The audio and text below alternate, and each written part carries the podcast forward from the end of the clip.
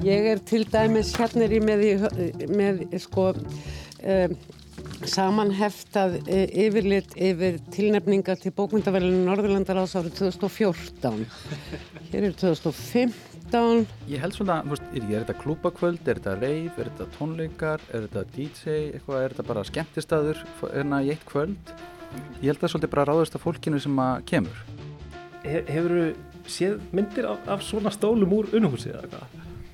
Nei, sko ég verði eiginlega að vera hreinskilin ég trúi þér eiginlega ekki alveg. Í lastinni í dag skúlagata, stólar í unuhúsi og gengið frá orðum um bækur. Ég heiti Kristján Guðjónsson. Og ég heiti Lóabjörg Björnstóttir.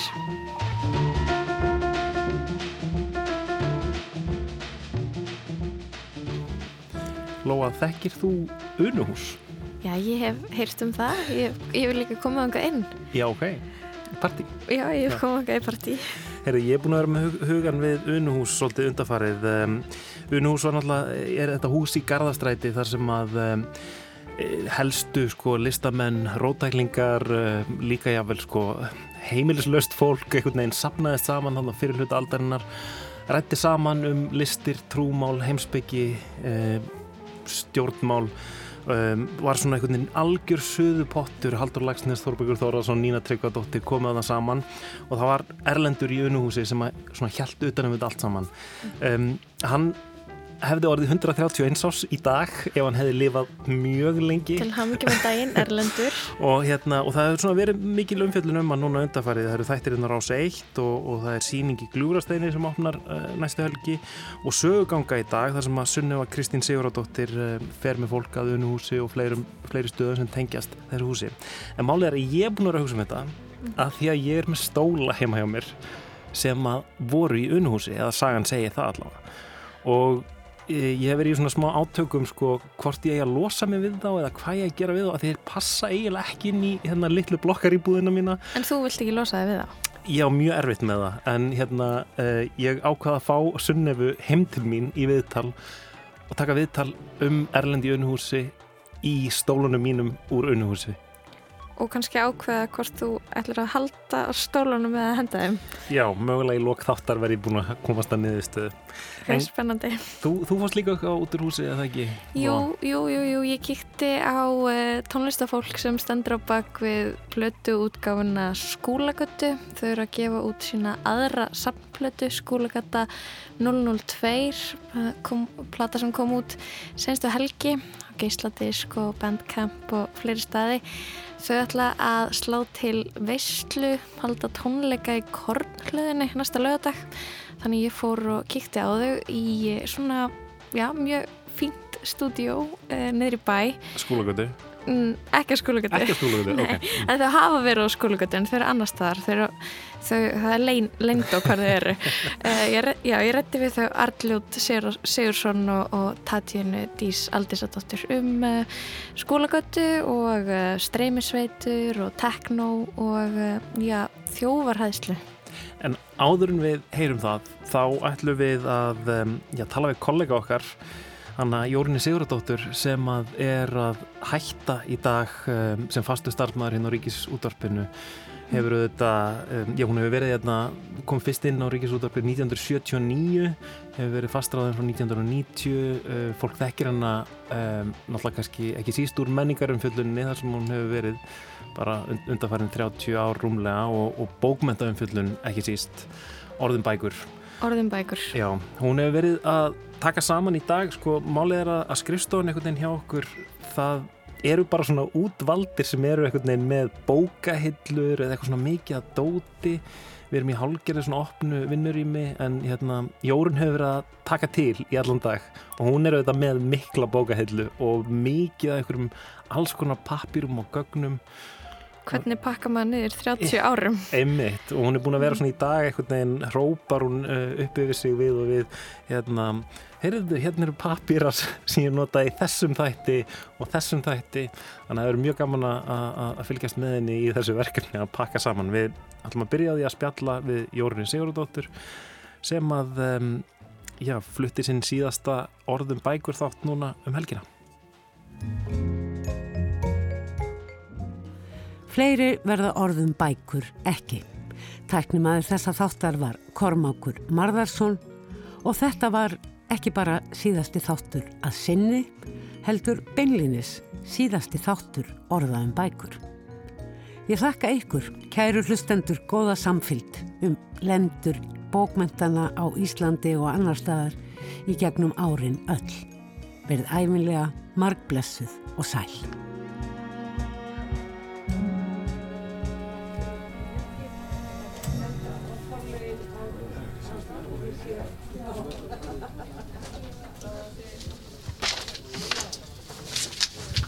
Hva, hvað er að gerast núna, Jórun?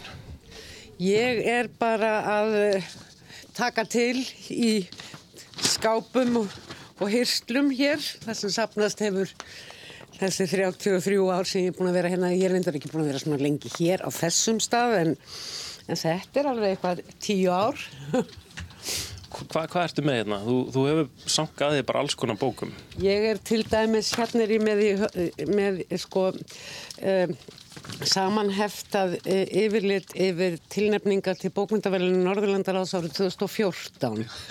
Hér er 2015 og hér er heilmikil mikið sem ég hef prentað út eh, í sambandi Steininu Siguradóttur skáld og rítöfund og bara ímislegt og margt og mikið og maður verður svolítið að, að gæta sín á því að það er þetta ekki bara í að lesa þú sér það að ég bara tek þetta sér svona geimi heftin að þau fara ekki með pappir þau eru málmur og svona gengur þetta bara En hefur þú sem sagt uh, geimt hluti sem að uh, þú hefur verið að fjallum hluti og verið í rannsóknarvinnu, hefur þú geimt alltaf svona prentuð eintök? E- Ekkert alltaf, en stundum. Stundum ætla ég að vera að duglega henda því þetta ánáttúrulega heita allt sé á netinu og svona. Og, uh, og, en svo er, getur alveg verið gott að grípa til þess. Ég er fljótari að flett upp í orðabók heldur en að, að, hérna, að fara á snöru og, og, og velja og klikka. Fyrir utan að viðmótið er einhvern veginn bara blíðara. Einmitt. En, en nú, nú ertu bara að setja þetta allt í endurvislu tunnuna. Já, ég er að því. Svolítið samvisku og sérstaklega þegar ég horfi á sko hrúin að heftunum hugsaði þér, hvað er mörg hefti? En, en hvað með bækurnar? Hvað ætlar að gera við bækurnar í bókaskapnum og þig? og ég er greinilega alltaf að fara með eitthvað heim til mín sem að ég, ég, tekst ekki alveg á þessu augnabliki að skiljast við en svo fer þetta niður í skáp og ykkur er velkomið og öllum að, að sækja ykkur bækur þangað. Já. Þetta eru fínar bækur. Hvernig, en, en hvernig er tilfinningin að, ganga, ganga frá hérna? hún er bara ágætt. Ég held ég sé alveg, ég, ég skil sátt við, sko, þetta er náttúrulega ákveðið tímabil, orðum bækur sem ég er kannski fyrst og fremst að skilja við. Ég ætla að koma henni í höst og ég ætla að gera einhverja nokkla þætti um norrænar bókmyndir. Þá er ég kannski eftir að sakna þessa sem ég núna tæta niður. En þetta er eins og þú segir, eða við segjum allt á netinu. Já. Svo er það bara ekkert. Og, sem að finna það og alls konar. En, en hvað er þetta langur tíma eftir í orðum bækur? sko ef ég man rétt þá hvort að ég byrjaði í orðum bækur 2013, 14 eða 15 þetta eru held ég rétt rúm ég held þetta sé rétt rúm 10 ár eða um 10 ár já. Og ég veit ekki hvað það eru margir þættir. Nei. Nei. Og, og hversu margar upptökur sem þú hefur tekið upp hérna já, já, bara út um, bókmyndaviðbörðum já, út um allt.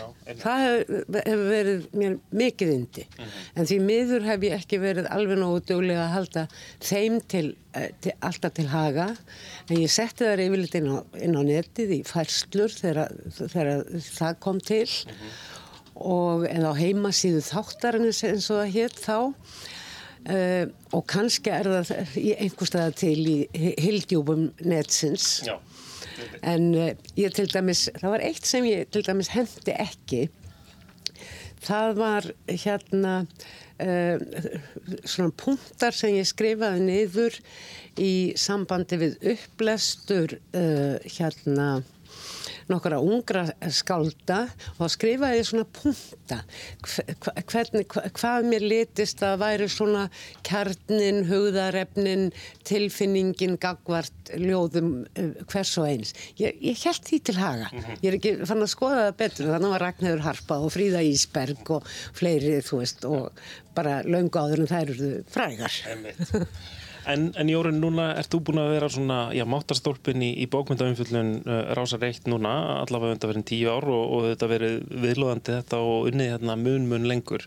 Hva- Hvað svona, hvað svona vonastu til að, að, að eða hva- hvað finnst þér að, að Rás 1 eigi að gera varandi bókmyndaumfjöllun bækur? Hva, hvað vonastu til að, að, að við Ég getum vona haldið áfram að gera? Og bara byrð þess lengst allra orða að bókmentir, skáldskapur, samtal, umfjöllun, spurningar, gaggríni eigi sér ákveðin fastan samastað í dagskráni, í línulegri dagskrá og ekki minna en vikulega. Og ég held að það sé mikil svirði að einhver einmanniski haldi utanum það því að uh, sem hlustandi að þá, uh, þú ert ekki bara að hlusta á intakið, þú ert líka, þú veist hvaðan það kemur. Uh, Það er ekkert sem segir að bókmennta umfjöllun, gaggríni, samtal uh, og svo framvegis eigi ekki eiga sér stað í öðrum þáttum líka. En til dæmis í daglugum þáttum eins og lestinni og viðsjá til dæmis sem er í gangi núna, hver veit hvað verður.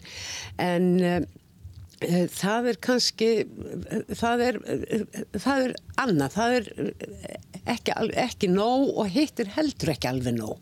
Og þe- þetta þarf að mínu vita að, að eiga sér svolítið samtal, ekkert samtal sem endilega hlustendur verða varir við, ég held að sé mikilvægt fyrir okkur sem erum að búa þetta efni til og framræða það að við tölum saman. En já, þú ert að pakka, pakka saman hérna, þessa bækur ætlar að taka með heim. Já. Já, hva, hva, hvað, hvað, er það ákveðin tegundabókum sem þú tekur með heim? Já, svona, uh, það er ákveðin kannski skáld, eitthvað, eitthvað sem ég langar til að lesa, eitthvað sem ég finnst, uh, já, ég, ég, ætla, ég, ætla, ég, veit ekki hvað er verða lengi heima hjá mér, en þetta er svona, uh, það, uh, hvað hétt hún aftur, kondó eða eitthvað svolítið sem var að taka til. Þá ættir maður að setja í hauga og, og spurja hvort maður, síðan eftir einhvern ákveðin tíma, hvort manni þætti væntum það, hvort það væri mikil svirði og, og svona, og ef það færi alltaf stöðugt í bunkan, ég veit ekki, að þá væri það líklega ekki. Og ég veit, kannski er ég að fara inn í eitthvað. Herðu, Þetta er mikil kunst. Já, þetta er það um, og við, við öll sem að erum svona, með eitthvað svona safnaræðil í okkur, við, hérna, Já. við vitum þjáninguna í þessu. Já, akkurat, akkurat. Herðu, Jórunn, hérna, gangið vel að, að, að pakka saman bókunum. Já, þakka þér fyrir Kristján.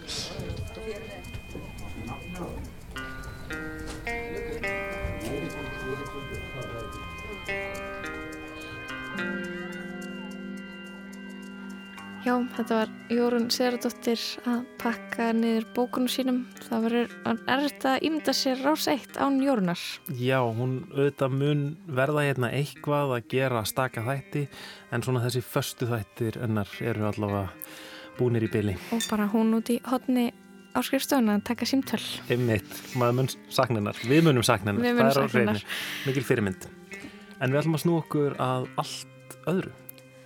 Já, teknói. Við ætlum að kíkja neyri bæ. að segja nafnið? Já.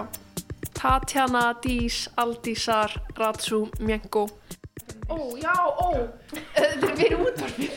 Já, þetta er fyrir útvarfi. Ok.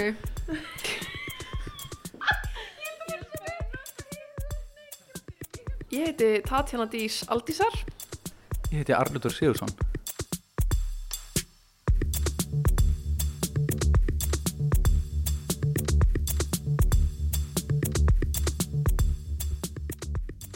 Við opnum hér uh, út í þeirra hurðina og komum inn á gang. Það sem viðblasa margar hurðir. Og bak við þær leynast ímsar uh, skemmtilegar, uh, hvað segir maður? Græjur. græjur og, og, og, og, jafnvel, og stundum fólk að kveikja á þeim og snúa tökum Er ykkur hérna núna í dag að vinna eða? Er það bara þið? Ekki eins og er. Það er, eh, húsi er yfirleitt fullt af fjöru.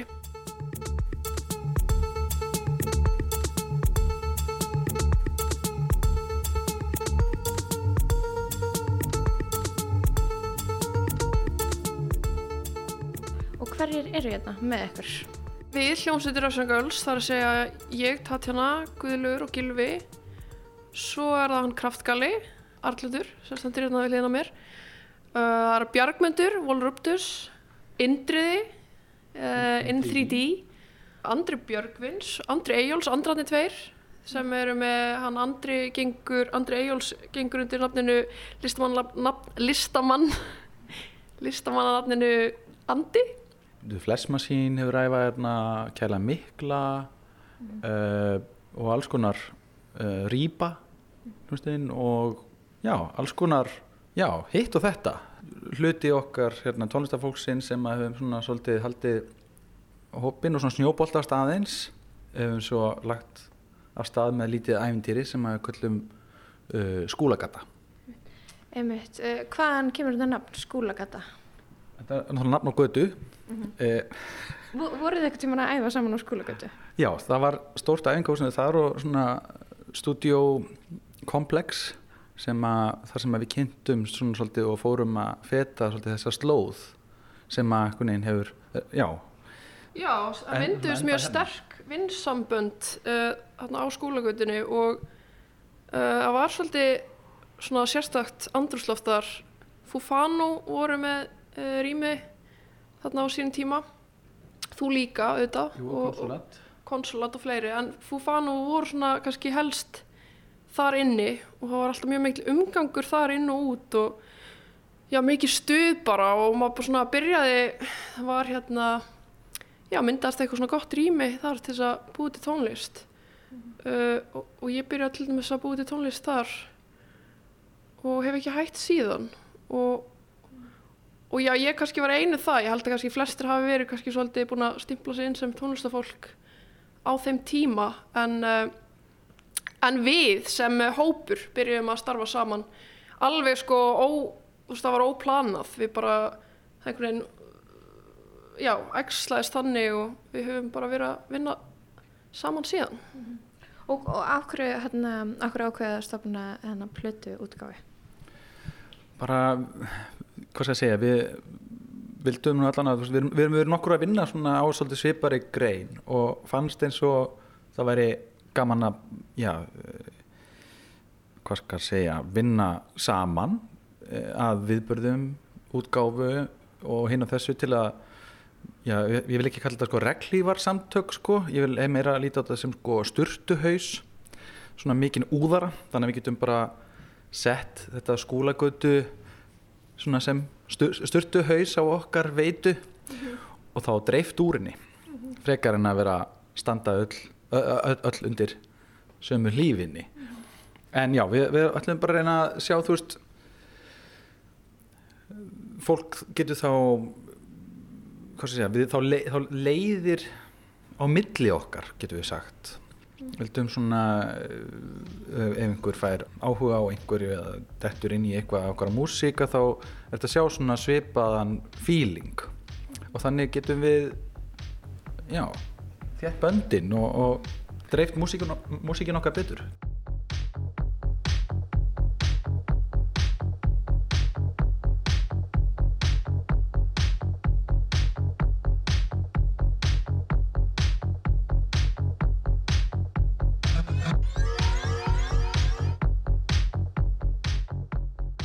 Sko fyrir okkar leiti, svo ég tala fyrir mína hljómsveit, þá var maður búinn að vera svo lengi, þú veist, þegar maður vinnur að einhverju, til dæmis er á plötu, uh, þá verður það svo heilagt og getur verið svo langt ferli og maður getur verið heldtekinn einhverju fullkona áráttu. Og eins og ég veit að öll okkar eru bara búin að vera að gera svo mikið af tónlist sem mun til dæmis ekki, passar ekki að vera, þú veist, það passar ekki fyrir okkur að vera gefin út uh, undir okkar hljómsveitarnafni.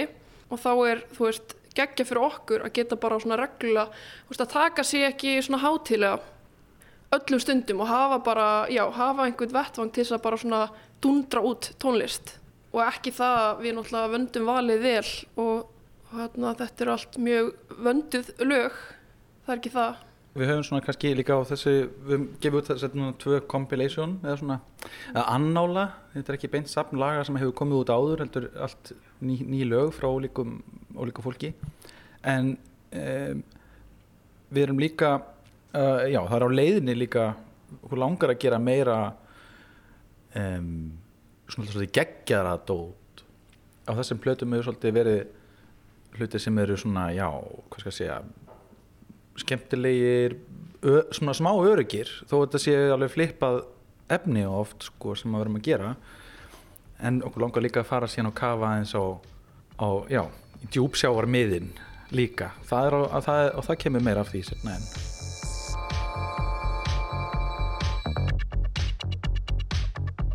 Já, ég var að kíkja inn á, uh, inn í, inn í stúdíóið ykkar. Ég tilli mig bara hér.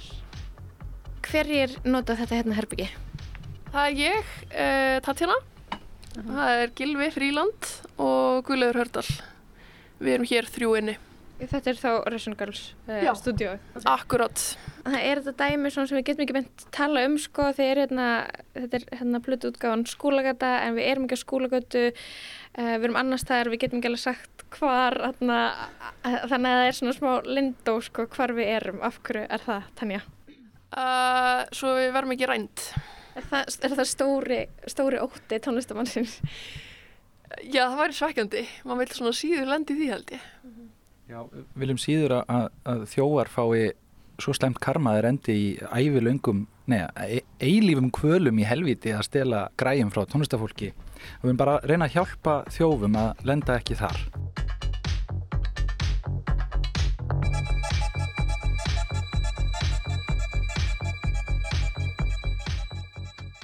Hvað er að fara að gerast á lögadaginn í kortlöðinni? Það er sérst bara uh, algjör tónlistar veistla. Uh, þetta viðbörur frá hvað, nýju til þrjú? Tíu til þrjú um nótt.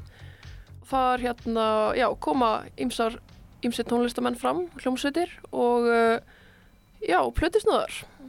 Og verður þetta svona, ég, ég var eitthvað svona, ég veit ekki hvað ég var að hugsa, ég var eitthvað, er þetta bara að vera reif? Eða þú veist, þú veist hvað við, er það fárlegt? Eða er þetta tónleikar?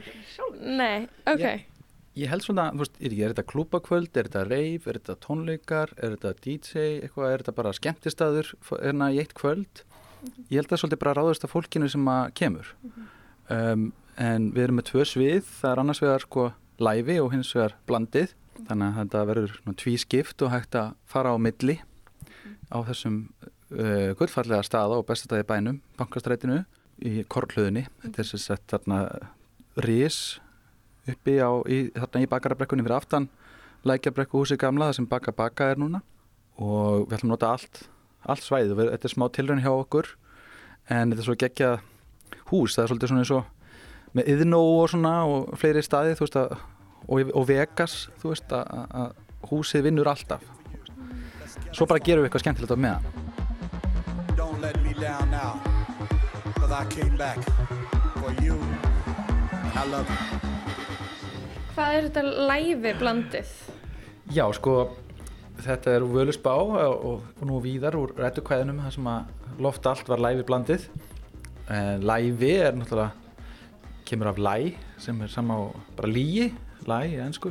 Blandið, náttúrulega loftið var blandið lígum og prettum og svikum. En núna erum við hins vegar live að spila og líka að DJ mixa yeah. plótisnúðast, þannig að það er læfi og blandið. Herri, þetta er góð þýðing. Læfi og blandið. Jú, þetta er geggjað.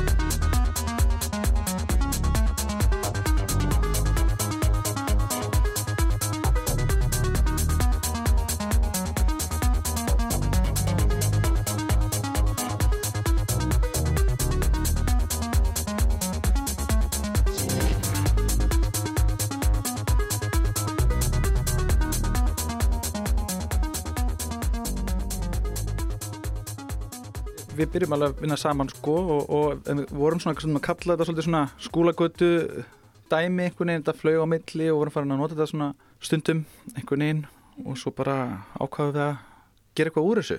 Því þetta vorum, vorum ekki að pæla í því uppálega hvað gerum eitthvað sem heitir skúlagöta svo bara einhvern veginn hægt og bara erum við erum eiginlega bara farin að gera eitthvað og ekki bara kalla þetta eitthvað og gera eitthvað gera eitthvað sniðut saman. En er það ekki líka svolítið gott að að tilheyra einhverju svona, einhverju svona smá stærra samhengi þegar maður er að gera tónlist?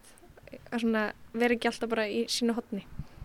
Jú, algjörlega og, og þroskandi. Maður læri svo margt af, af kollegum sínum og þeir eru líka, já, bara manns starsti innblástur og hérna hvetjandi að- að að þrýfast í svona umhverfi. Maður er mjög þakkláttur fyrir það. Hvernig er að vinna hérna? Er góð stemming hérna? Svona yfirleitt, já. Myndir ekki segja það allir? Ég, Bara góður andi í bara húsinu ní, og... 99% sko. Já. svo, bara, svo bara þú veist, þegar maður getur ekki skapað þá getur maður unnið. Og þá bara skúra gólfin og svona. Og kannski því það er mitt að við sem búin að vera einstaklega skapandi undarfærið því að áttum eftir að skúra og komst í heimsón Mér finnst nú ekkert, mér finnst nú ekkert óreindið hérna. Mér finnst bara mjög fínt. Æ, takk fyrir. For the record. Ég svona fór að velta fyrir mig sko bara, ég veit ekki hvort að þið nenni að taka þá umræði en ég er svona alltaf forröðin starfsumkörðu tónlistamannsins. Það er svona orðið tölvert flóknara. Við erum með streymisveitur og sem einhvern veginn gefa manni eina krónu á tíu spilanir eða eitthvað svona bull bara. Hvernig upplifið þið þetta? Þetta er bara stór og opinn spurning. Já, við erum, held ég ekki að fara uh, verða miljónamæringar í bráð en við, já, þetta starfsumhverju er náttúrulega mjög eða skrítið og ég held um, ég veit ekki hvort ég er að fara að kvarta og kveina núna. Nei, nei, en, en hérna ég held að það hafi orðið fyrir rosalegu höggi sko bæði af vegna Spotify og, og slíkra miðla sko eða streymisveita sem að borga mjög lítið og það er auðvitað að keppa við það varandi aðgengi að tónlist og svo leiðis og auðvelt að lúfa síðan bara fyrir því og segja bara æ, skiptir ekki máli, setjum það bara inn. Þá heyri fólk tónlistina allavega. Hana Hva, Hvað leið hefur þið farið? Ég sá eru á bandkamp og, og það hefur sennilega gefið okkur mest sko, þó að það sé nú ekkit mikið. En uh, þú veist þessi leið til og með bandkamp og svo leið sem ég hvet allir til að nota færir já, peningin frekar beint frá þér og til tónlistarfólksins. Og ég meina bara því sem ég hef talið að, að þeim efrum sem fólk hefur keift músikina mína á bandkamp að ég held að það sé alveg sko ég veit ekki, ég, ég ætla bara að lega mér að skjóta bara á svona já, eh, 500 sinnu meira en Spotify hefur gefið af sér þannig að þið sjáum um það hvort þið notið Spotify eða ekki Eru þið, eru þið á móti Spotify? Verður þið til í að fólk hætti að nota það? Já og nei, var náttúrulega geggja ef allir myndi bara færa sig annað en á sama tíma þá, þá tapar maður bara sjálfur engin annar á að draga sig út af þessari streymisveitu. Þannig að, þetta, já, að maður er svolítið svona valdalaus þegar kemur að þessu sko. um, ég held líka að fólk sé bara svolítið búið að lengi að taka við sér að- fara á tónleika og svona eftir COVID. Mér finnst það nú vera búið að batna en ég menna þetta er ekki svipur hjá sjón með hvernig það var fyrir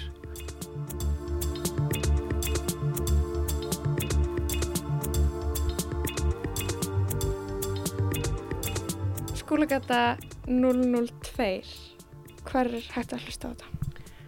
Bæða bandkamp uh, og uh, svo er þetta nálgast eintak hjá okkur uh, geisladisk.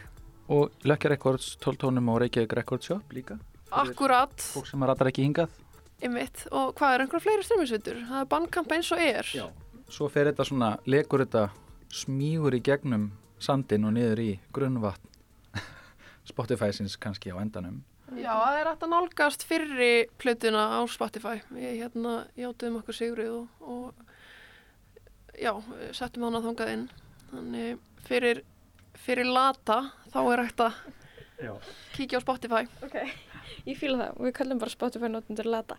Uh, þarna, og var eitthvað sérstök pæling á baku þessum þennan sapdisk? Er eitthvað rauður þráður?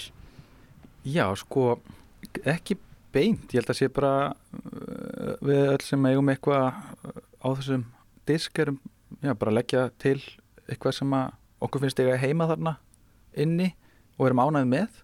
Svo ég held að Já, við, það er kannski svona eitt koncept með þetta líka er og við vinnum saman og svona og svo langar okkur til að tegja út áng okkar til fólks að sjá bara, herðu, hérna, eru þið ekki þið eru með skemmtilegt sound, eru þið með eitthvað hugmyndir, eitthvað sem geti virkað hérna inni með okkur og þannig að við erum með alveg stórkostlegan gestalista á þessari plötu. Já, það er náttúrulega við hérna sem að töldum upp sem erum hérna í rýminum In 3D, Volruptus, Kraftgalli og hérna Einmitt og fleiri. Og svo eru uh, góðu gestir Two Hands og hérna svo er líka Triple O Sven sem er nýtt uh, verkefni hans Sveinbjörns Tórarensen sem að er áður já, kannski, er, kannski betur þekktu sem Hermi Gervill. Hann er með þess að nýtt verkefni með alveg trilltir í danstónlist sem heitir Triple O Sven. Og það verður þannig líka á læfi blandið kvöldinu. Bara ekki missa því. Frumflutningur á geggjari músík. Um, og allt þetta síðan leggst saman, já og, og frímann hérna Harry, Harry Knuckles er á plötunni líka sem er búin að vera lengi hérna, neðanjarðar uh, hvað skal ég segja, já lengi neðanjarðar í íslenski senu og það, já, svo þá er það, já, svona um það byrju upptalið held ég, já, Steintor Greitar Kristinsson og þarna líka mjög bara gott innslag í, á, á disknum Þannig að þið þarna, höfðu samband við listamann sem þið vildu hafa með ykkur á, á plötunni eða? Já, bæði og. Það, hérna, við höfum samband og síðan er líka bara hefur þetta spyrst út og fólk hefur kannski verið að senda á okkur og hérna í einhverju tilfelli fengum við nokkur lög send frá einum listamanni og þá til dæmis völdu við hvað hendaði plötunni best og hérna og svo erum við alltaf opinn fyrir því okkur langar náttúrulega bara að tegi ánga sína sem viðast og við getum fengið bara, já, gefið út fleiri og fleiri konur. Er þetta að leta konum? Já, það eru alltaf fáa konur uh, í uh, að gera tekno á Íslandi. Það verður með næst frámandi. Já, ég óska þess bara og, og heyrið kall okkar og verið í sambandi. Konur velkomnar í, í íslensku teknósenuna. Tanja Arlundur takk hella fyrir að taka mótið mér hérna á skólagötu uh, góða skemmtun á löðadegin og til hamingjum með útgána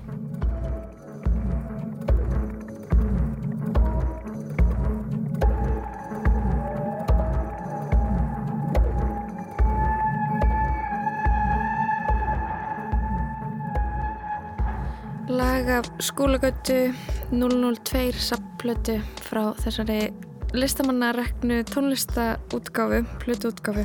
Þetta er lag með DJ Gulli DJ lagi Dereliktarium. En af dansskólfinu ætlum við að setjast niður í þægilega stóla, nánar tiltekið eh, stóra viðar hægjendastóla sem eru heima hjá mér. Stólar sem að ég vil meina komi úr unuhúsi þar sem að Erlendur nokkur hjælt út miklu samkvæmislífi, menningarstofnun, félagsheimili á fyrirluta síðustu aldar. Ég bauð uh, Sunnefu Kristínu Siguradóttur um, heimdi mín. Hún hefur verið að uh, stúdera unuhús mikið verið að gera útastætti hérna á Rás 1 um, sem voru fluttir um Kvítarsunhelgina og er með sögugöngu í kvöld og opnar síðan síningu í Gljúrasteini næstu helgi. Hún er að sökka sér djúft ofan í sögu, unuhús og erlendar.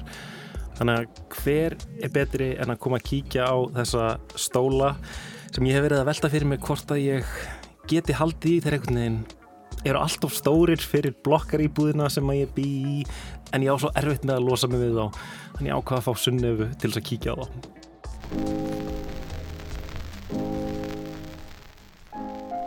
Halló. Hæ. Já, hvað er þið? Halló. Hæ. Velkomin.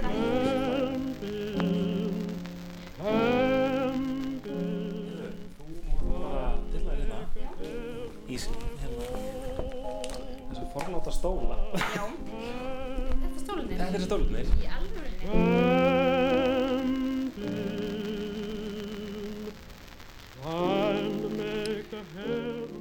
Sunneva Kristín Sigurðardóttir, ljóskáld og samnvörður. Uh, takk fyrir að koma þetta hérna heim til mín uh, í þetta viðtal. Þetta er svona óeinlegar aðstæður.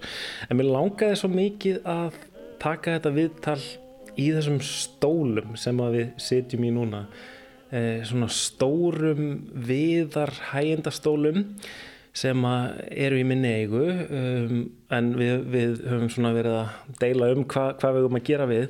Um, en þessi, þessi stólar koma vist úr unuhúsi. Hérna, nú ertu búin að vera að sökka þér ofan í sögu unuhús og um, e, í sögu Erlend sem að bjóð þar og, og held úti svona halgerinn menningarstofnun. Hérna hef, hefur þú séð myndir af, af svona stólum úr unuhúsi eða hvað?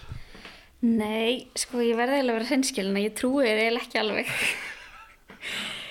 sko það verður að koma verð, þú verður að hérna gramsa aðeins í hérna frá hvaða árum þetta er mm. uh, þetta er svolítið grunnsalegu litur til dæmis á viðnum hann er svona ljós uh, gulur einhvern veginn 70's uh, gulur litur myndi ég að segja mm -hmm. En ég, ég hef ekki sé myndir af þessum stólum en það er ekki tilnætt rosalega margar myndir innan úr unuhúsi þar sem það sést húsgögnin. Það sést piano, uh, það sést hérna, jú kannski brotur stólum eða uh, rúmi en svo sést svona bara aðalega svona fólk mm -hmm. sko og, og panelveggir. Þannig ég veit það ekki. Ég, við bara verðum að trúa því að þetta sé úr unuhúsi. Eh, þýlgur heiður að setja hérna í þessum stólum. Hvernig, hvernig húsgögn voru eh, á, á myndunum? Einmitt, sko. Ég kom hérna með þrjár myndir sem ég ætlaði að sína er sko. Í fyrsta lagi þessi. Já. þú sér hérna borð.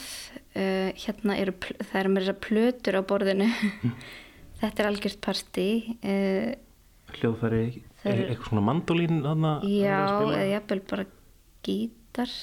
Já.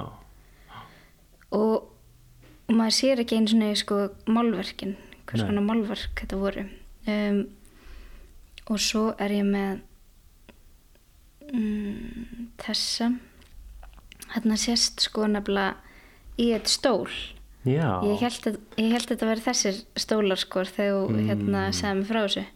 En þetta er svona típiskir einhvern veginn barstólar svona ringlóttir tríastólar og hérna sér líka uh, þetta fína piano og ykkur skonar abstrakt málverk hérna myndi ég halda. Já. hérna er hattur líka upp á pianónu þetta er mjög gott. Og þannig er aftur fjör sko tónlist og það er, það er verið að spila á gítar og, og spila á piano og búningar mm. og stemning það er algjör stemming hérna, þau eru öll í búningum sko. Hérna er henni kjólfötum og þær eru henni í einhverjum svona japanskum kublum já. Uh, já. Erlendur og stelpunar en, en þannig sjáum við allavega ekki hérna svona einhverja djúpa hægendastóla sko. nei, sko. nei þannig sjáum við ekki djúpa hægendastóla sko. En, en ef þú segir mig bara hérna unuhús um hvað staður var þetta og, og hver var þessi erlendur sem að bjóð þar og kentur er við Unuhús? Já, um, sko Unuhús er ennþá til, þetta er raukt timburhús í Garastræti og þetta hús var byggt bara, eh, já, sent á 19. öld og er í raun og veru alla 20. öld eða fyrirlötu 20. öldar hefur eitthvað skonar gildi í menningu á Íslandi og e, þar átti heima Unna Gísladóttir og hérna maðurinn hennar og börn en þau eru sagt, lengst af eru þau tvö maðgininn Unna og Erlendur í þessu húsi sem halda úti einhvers konar uh, gistiheimili eru, er, sagt, eru bara með ódýran mat fyrir fólk uh, skólafólk og fólk sem að væri kannski uh, á gödunni bara. Og gistingu já. Uh, þannig að þanga sapnaðist svona ótrúlega skemmtileg skemmtilegur hópur fólks sem að er já, framan af kannski um, svona fólk sem átti ekki í önnur hús að venda en svo þegar líður á öldina um, þegar ellendu tekur við sem sagt þegar mamma steyr 1924 þá tekur hann við rekstri húsins og þá uh, verður þetta að meiri svona menningar stopnun að því að í kringum hann og, og í kringum Stefán frá Kvítadal og Þórberg þá þá sapnast svolítið svona uh, bara svona skálda lista uh, fólk. Og já það er hægt að segja að hérna uh, kannski bara allan þriðja og fjörða árategin þá er þetta svona uh, salong menning, bara algjör stemming, það er tónlist já, það var grammafót þarna og þau hlustuð á plötur hérna bara í algjörðu þögn sko og, og hérna já, það voru hljóðfæri, það voru gítar það voru orgel, það voru piano og líka tónlistafólk sem að sapnaðist þarna, Pál Káur Pálsson organisti, hérna kom þarna mjög mikið. Þannig að þetta hafi verið sko, já bara það hafi verið að leika tónlist, spila tónlist, ræða bókmentir um, og halda eitthvað svona ræður, mikið tala um pólitík, uh, flesta þessu fólki eru sósialistar og já, það er algjör stemming sko, já, já algjör stemming. Einmitt. En það er einmitt í gegnum sko um, eiginkonu eða fyrirvændi eiginkonu Páls, uh, Margreði Átnardóttur sem að þessi stólar koma í, í eigu minna fjölskyldu Já, og, já, og, og, og mína eigu þannig að hérna þaðan, Ókei. þaðan eiga þeir að koma sko Já, já, já, uh, já. En, en sem sagt ef þeir hafa verið þarna þá, þá, þá hafa hérna lífsinsspurningar og, og pólitík verið, verið rökrætt hérna í þessum hægendastólum mm algjörlega sko. Það eru mjög skemmtilega sögur af því hvernig þessar svona svo kallu kvöldvökur voru. Uh, Þórbergur segir hérna frá því og, og fleiri en þá er sem sagt talið að fólk hafi farið bara upp í pontu, bara formlega með ræðu, haldið ræðu úr einhverju spennandi bóku sem þau voru að lesa og svo er hægt að rífast um, og já, pólitík, mikið pólitík og trúmál, heimsbyggi sálfræði líka, þau voru líka að pæli sálfræði sko. Í raun og veru sko allir þessi nýju ströymar þau voru bara hérna e, þau voru svo ótrúlega forvitin um það og voru bara að láta sig málin varða í raun og veru um allt það nýja dót sko hvort sem var heimsbyggi eða sálfræði eða bara það sem var að gerast á Íslandi En, en Erlendur sem að í rauninni heldur uh, þessu, öllu þessu gangandi þessari starfsemi um, hvað hérna hv- hver er hann og, og hérna víst, var hann sjálfur að skrifa eða, eða spila tónlist eða, eða hvernig típa var hann? Mm Einmitt. Nei, hann var ekki listamæður. Eh, hann var bara mjög mikill áhugamæður um margt. Hann var skákmaður, eh, hann vann bara hjá lauruglustjóra og, og tollstjóra. Mm, og hann var bara ótrúlega áhugasamur um listir og var bara svona mjög vel að sér í skáldskap og er til dæmis sá sem að sagði við Stefán frá Hvítadal sem er kannski svona elsta skáldið í hópnum, unnahúshópnum Erlendur sagði við hann, jú þú getur víst orðið skáld, sko, þannig að hann er svona áhrifamaður, hann er mjög mikill áhrifamaður eh, á Lagsnes, á Þórberg, á Nýjum Tryggva eh, þessi skáld sem kom í unuhús, hann virðist hafa svona áhrif á þau all um, án þess að vera beinlinis að gera neitt sjálfur. Uh, þannig að hann uh, sér um, hann sér raun og veru um fjármálin þeirra hann sér um útgáfumálin þeirra hann sér hérna til dæmis um að koma vefarannum mikla frá Kasmír og breyð til Láru, hann er að grúska í því hvernig á að prenta þetta, hvernig getum við selgt þetta út, þú veist, hann er raun og verið í þessu öllu fyrir þau og Nínu Tryggva þegar hún fer hérna er að byrja sinn feril aðeins setna þá er það hann sem að í raun og verið hjálpar henni að setja upp uh, að hún fái að halda síningu og, og hérna selja málverkin heima þegar hún er úti að læra. Og, og það eru til ótrúlega skemmtileg bref eh, á hérna landsbókasamnu sem að eh, sína allt þetta grúsk sko, brefin á millið þeirra eru bara eiginlega grúskið sko, bara hérna hann er bara með umboð til þess að gera allt fyrir þau þar sem að þau geta einbætt sér að listinni og útvæða gjaldir og fleira þegar þau eru í útlöndum. Mm, og hans karakter uh, kemur svona svolítið í ljós í brífunum hann er útrúlega einhvern veginn gafmildur og hann er svolítið svona uh, stóri bróðir skástrygg pappin uh, í hópnum og er svolítið eh, að segja þeim til mjög svona já, til dæmis þegar Nína er úti í bandaríkjunum og er svona nýkomin og hún er svona svolítið að skemta sér, þú veist, er að fara í bíó og tónleika og eitthvað þannig og er ekki sko að sinna því sem að hann vill að hún sé að sinna sko. Þá sendir hún henni bara sko svona quiz eins og hann segir. Þá, hann, þá er hann búin að gera svona línur fyrir hana til þess að svara ákveðin spurningum um fjármálun hennar, myndasölu og eitthvað þannig. Og hún hérna kennst ekki með að vera bara að skemta sér þarf ekki að hérna taka alvarlega listina og, og þannig þannig hann er bara algjör peppari. Hann er bara mesti peppari listamanna fyrir, á hérna, fyrir hluta 20. aldar. Og hann er bara svona mjög bara í raun og veru bara ídrið þeim svolítið úr vör. Bæði persónlega og náttúrulega með þessu húsi.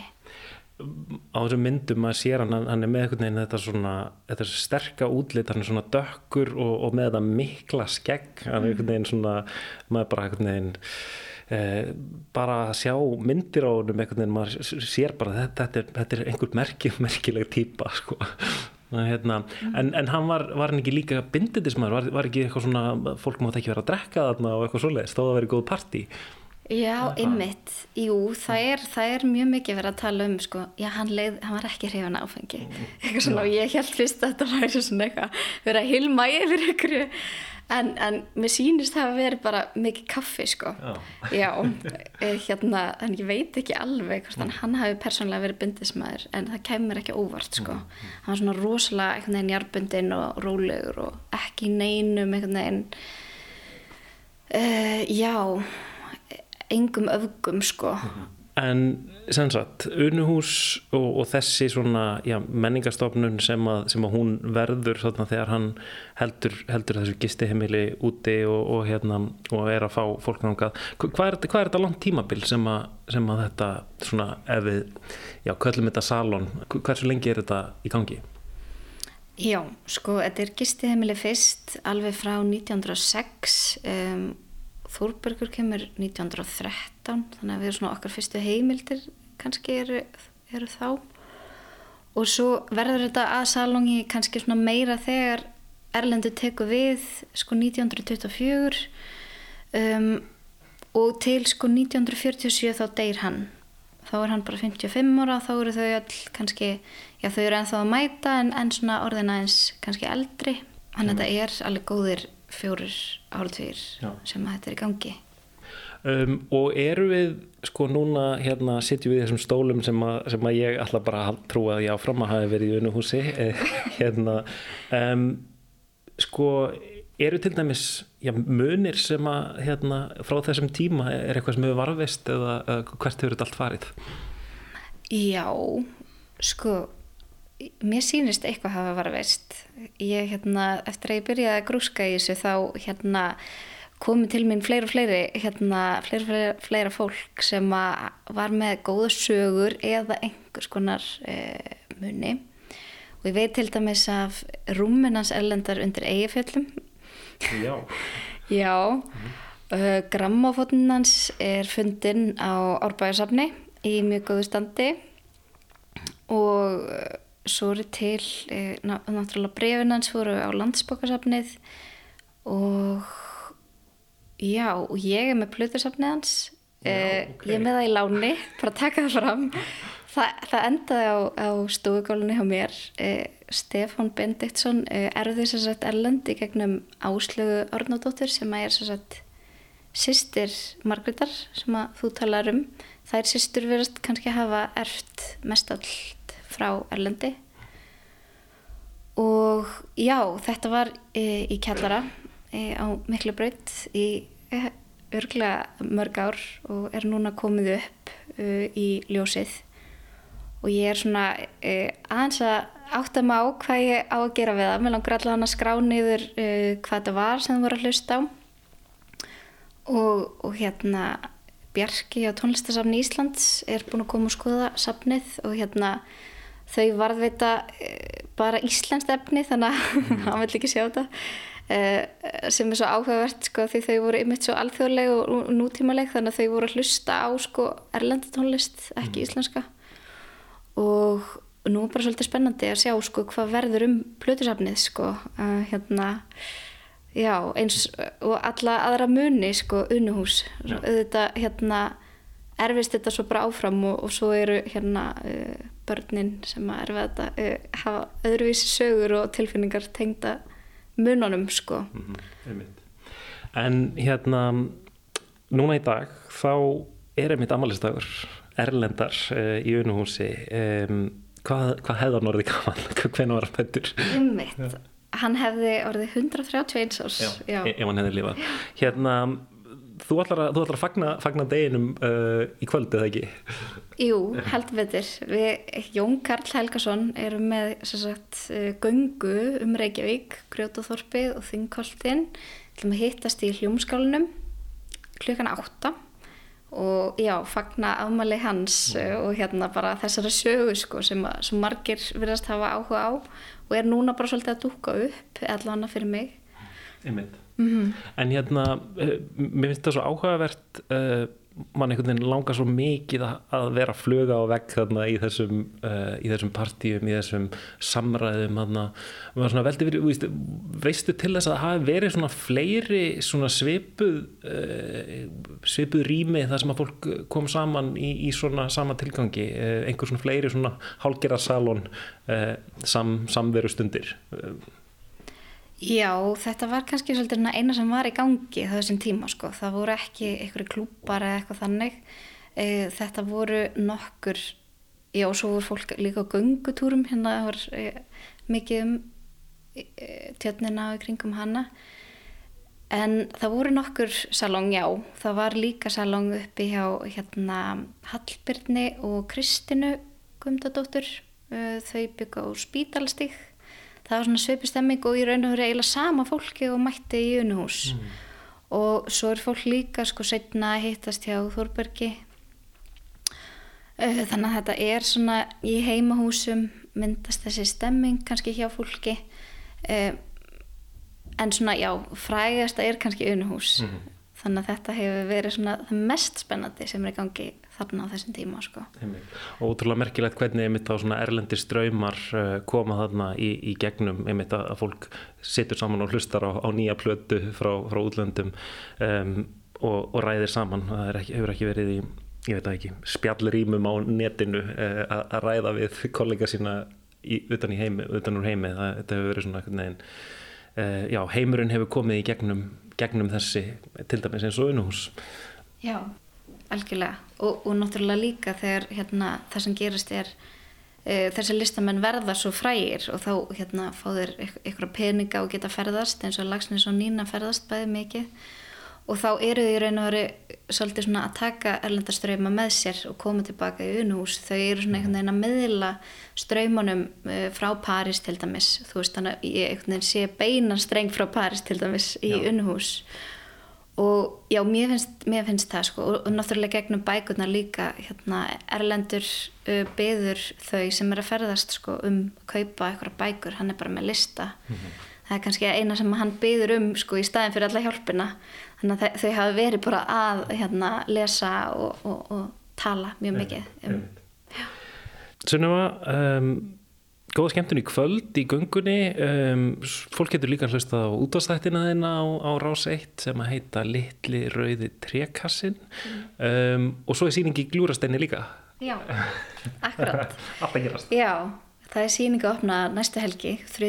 júni á Glúrasteini. Og þá er svona sjónum beint að, að þeirra vinasambandi Erlendar og, og Lagsnes sem var mjög skemmtilegt og, og fullt hérna galsa og humor og, og hérna Sunneva Kristín Sigurðardóttir, uh, takk hjálpa fyrir að koma heim til mín um, að sitja í þessum hægendastólum sem ég held fram að hafi verið í unnuhúsi uh, og spjallaðum um Erlend.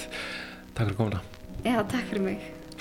Mjög gott. Nefna það sem meira sem þú vilt koma að? Nei, ég, ég bara, ég trúi þér núna. Eða?